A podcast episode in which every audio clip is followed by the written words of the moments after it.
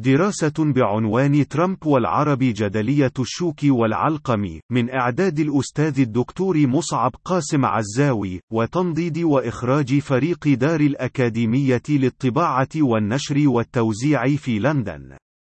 صرح البيت الأبيض بأن الصفقة بقيمة 110 مليار دولار لشراء المملكة العربية السعودية أسلحة من الولايات المتحدة تمثل جزءا محوريا من منجزات زيارة ترامب الناجحة إلى منطقة الشرق الوسط وهي الصفقة التي تعني عمليا إنفاق المملكة أكثر من 300 مليار دولار خلال عقد من الزمان فقط على شراء أسلحة من الولايات الولايات المتحدة لوحدها بحسب صحيفة الجارديان البريطانية وهي المملكة العربية التي تضاءلت كل احتياطاتها النقدية لأقل من 587 مليار دولار بحسب منشورات صندوق النقد الدولي أكثر من 388 مليار دولار منها محشور في سندات الخزينة الأمريكية نفسها والتي من المستحيل عمليا الخروج منها نظرا للخسارة الهائلة التي سوف تصاحب عملية بيع تلك السندات نظرا لتآكل قيمتها السوقية حاليا مما يعني خسارة فادحة للمملكة إن قررت ذلك وعدم إمكانية تسييل تلك الاستثمارات في المستقبل المنظور كحد أدنى وهو ما يدل منطقيا إلى أن المملكة بسداد تلك الفاتورة الأخيرة بقيمة العاشر بعد المئة مليار دولار تقوم عمليا بتحويل أكثر من نصف السيولة النقدية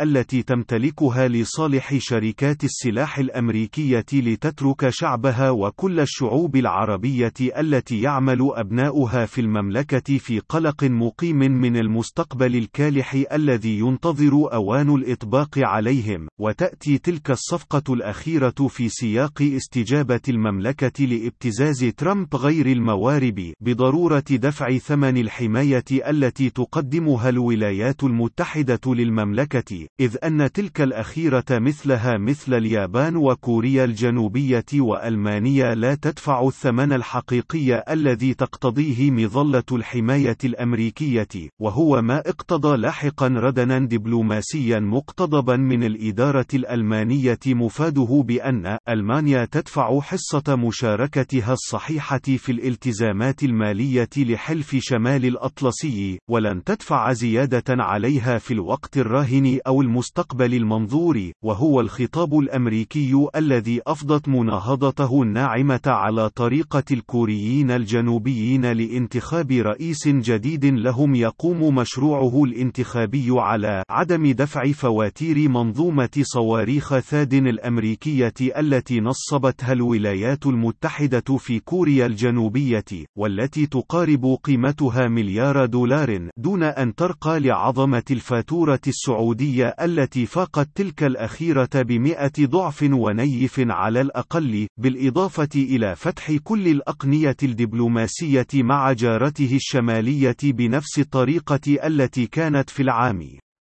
1994 وأدت إلى خفض التوتر في شبه الجزيرة الكورية وإبعاد شبح الحرب عن شعب واحد في دولتين مصطنعتين بنتيجة الحرب الأمريكية على أرضه في خمسينيات القرن المنصرم بنفس المرحلة التي كان فيها شوك سايكس بيكو ينضح أكله العلقمية في أرض العرب على شكل دول عربية خلبية محملة بكوامن فشل لها بنيويا في تكوينها المبتور تاريخيا والمخالف لكل منطق نشوء الأمم القومية في التاريخ الحديث وها هي أسعار النفط عالميا تتراجع بشكل مضطرد بما يشي بصعوبة سداد تلك الفاتورة العملاقة من عائدات ذلك الأخير في المستقبل القريب دون أن يتجرأ العرب بالرد على ترامب وشركاه من شركات صناعة السلاح الأمريكية بالحقيقة المرة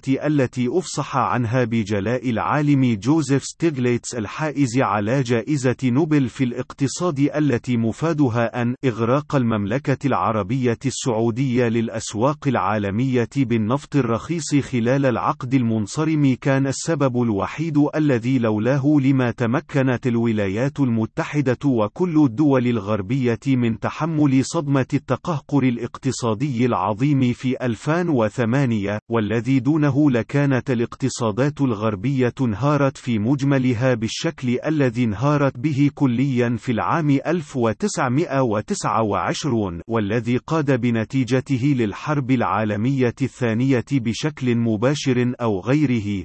وهو ما يعني أن شعب شبه الجزيرة العربية قد يكون صاحب الفضل الأول وشبه الأوحد في بقاء الاقتصادات الغربية على قيد الحياة بشكلها المتغطرس المتنكر الجحود الذي نعرفه، والذي يطالب الآن بما قد يرقى إلى امتصاص نسغ حياة ذلك الشعب الذي أسعفه من مواته المحقق، لا يختلف عاقلان على خبث وشيطانية نظام الملال في إيران الهادف دون مواربة لاستعمار العرب جغرافيا وسياسيا وفكريا كتوسعة لاستعمارها لإقليم الأحواز المظلوم المنسي تحت يافطات ولبوسات دينية لا تغير من جوهر ذلك المشروع الاستعماري شيئا، وأن تعملق ذلك المشروع وتخندقه عربيا عن طريق زبانية محليين لذلك المشروع ليس إلا نتيجة طبيعية لتحالف الأعراض أعراب أنفسهم مع سادة البيت الأبيض لتحطيم عبد الناصر في حرب اليمن في 1962 وما تلاه من نتيجة طبيعية لذلك في نكسة حزيران وخروج مصر من موازين قوى العرب وما تلاه من إصرار عربي على تحطيم العراق دولة وشعبا عقب خطيئة طاغيته الكارثية في غزو الكويت في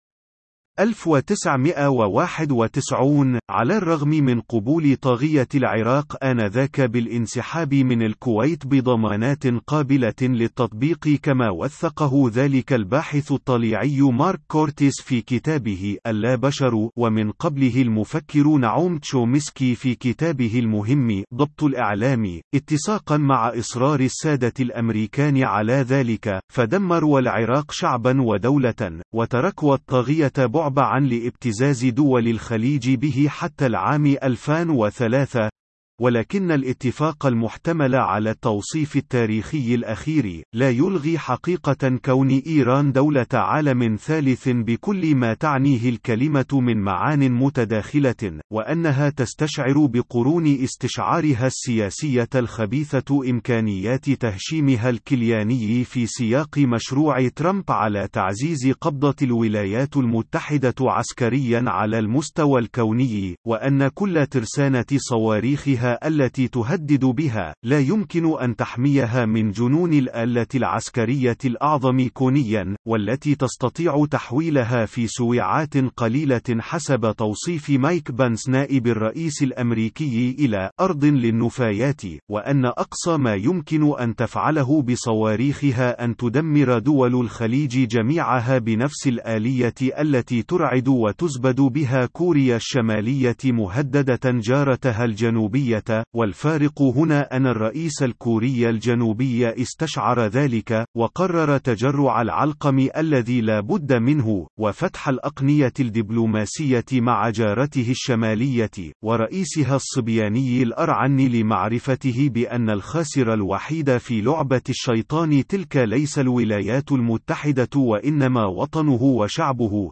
وفي ذلك السياق هل يعقل أن تكون الجعبة الدبلوماسية الخليجية أصبحت خاوية حتى من أدوات الأبواب الخلفية، والوساطات العمانية وغيرها، لأجل إيجاد حلول وسط معينة يمكن أن تجنب منطقة الخليج احتمال الاندثار عن خارطة المعمورة، وتحلحل التراجيديتين السورية واليمينة في نفس السياق، صحيح إلى درجة الصواب المطلق أن أن هناك جرحنا تاريخيا في الجسد العربي سببه الخنجر الإيراني المسموم الذي ما زال يتفنن في تقطيع اللحم العربي، وأن فقه العدالة يقتضي أن الجروح قصاص، ولكنها هي الضرورات الوجودية التي قد تبيح المحظورات، وتجبر العاقل على التوقف عن زرع الشوك الأمريكي في أرض العرب، فقد تجرع العرب ما يكفيهم من مرار حصاد ذلك الشوك، وقد يقتضي العقل راهنا تجرع علقم من نوع أوخر للبقاء على قيد الحياة.